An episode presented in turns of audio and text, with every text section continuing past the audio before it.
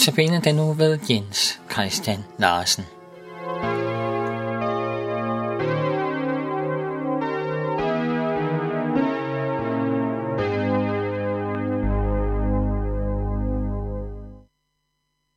Jeg vil læse fra Matteus evangeliet, det 21. kapitel, vers 1-9.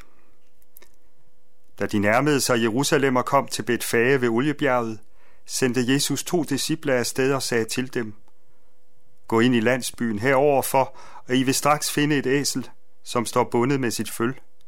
Løs dem og kom med den. Hvis nogen spørger jer om noget, skal I svare, Herren har brug for dem, men vil straks sende dem tilbage.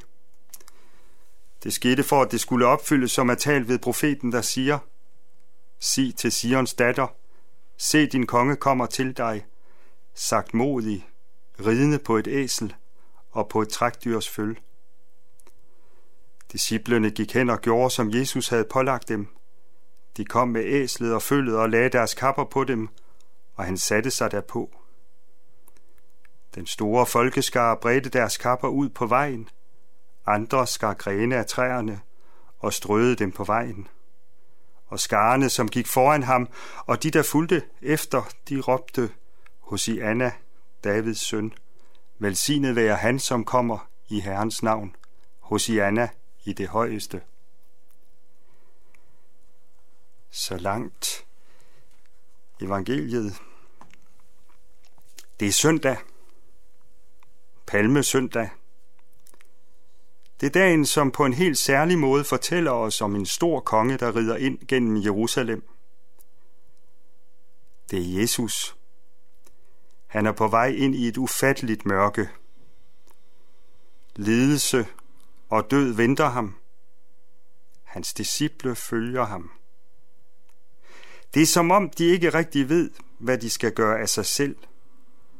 For hvad venter dem? Folk fra byen er mødt frem med palmegrene. De ser Jesus komme ridende. Han holder sit indtog på et æsel. Det skete for, at det skulle opfyldes, som er talt ved profeten, der siger, sig til Sions datter, se din konge kommer til dig, sagt modig, ridende på et æsel på et trækdyrs føl. Disciplene gik hen og gjorde, som Jesus havde pålagt dem. De kom med æslet og følget, og da lagde deres kapper på dem, og han satte sig derpå. Jesus havde planlagt det alt sammen. Alt sammen skete det for, at profetien fra det gamle testamente kunne gå i opfyldelse. Det skulle få folk i Jerusalem til at tænke, at han, der nu red ind i byen, det var den konge, som de ventede på. Folk råbte, Hosianna, kongen kommer! Det var som om en krig var overstået. Den store folkeskare bredte deres kapper ud på vejen, andre skar grene af træerne og strøede dem på vejen. Og skarne, som gik foran ham, og de, der fulgte efter, råbte, Hosianna! Det var et glad hurraråb. Frels dog. Ja, det betød det i grunden. De regnede med den mand. Han vil give dem friheden. Velsignet være han, som kommer i Herrens navn. Se, din konge kommer til dig sagt modig. Det betyder stille og roligt, fredeligt. Jesus kom ikke for at erklære krig.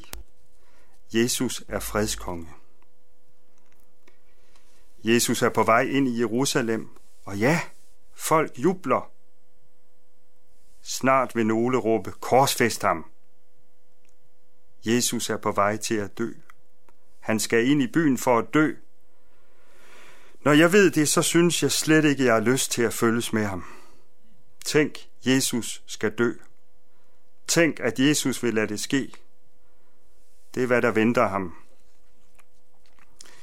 Da jeg var barn, så havde jeg nogle gange lyst til at løbe min vej, fordi jeg blev bange for det, der skulle ske, hvis jeg blev stående. Jeg var bange for at få tæsk af en, som boede i en af nabogaderne, og hvis jeg så ham, så løb jeg. Da Jesus kom ind i Jerusalem, så fandt han hurtigt ud af, at nogen var efter ham. De ville, han skulle dø. Jeg ville have løbet, men Jesus blev, selvom det kostede ham livet. Det er som om han ville det. Han griber ikke til våben, men han går frivilligt til lidelse i møde. Han er på vej til Golgata. Der skal han korsfæstes. Det er hans fars vilje. Selvom vi ikke har lyst til at følge ham ind i lidelsen, så lad os alligevel gå med, så vi opdager, at han går vejen, ja hele vejen, for vores skyld. Ja, kære Jesus, lad os følge vejen, din vej til korset. Amen.